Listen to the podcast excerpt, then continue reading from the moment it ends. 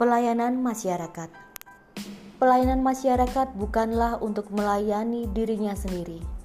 Pelayanan masyarakat menciptakan kondisi yang memungkinkan setiap masyarakat merasa nyaman dengan pelayanan yang diberikan. Kadang-kadang, saat kita memerlukan suatu pelayanan, entah itu untuk kepentingan kesehatan, surat menyurat, atau tentang data kependudukan, kita diribetkan dengan hal-hal birokrasi yang berbelit-belit atau yang lain.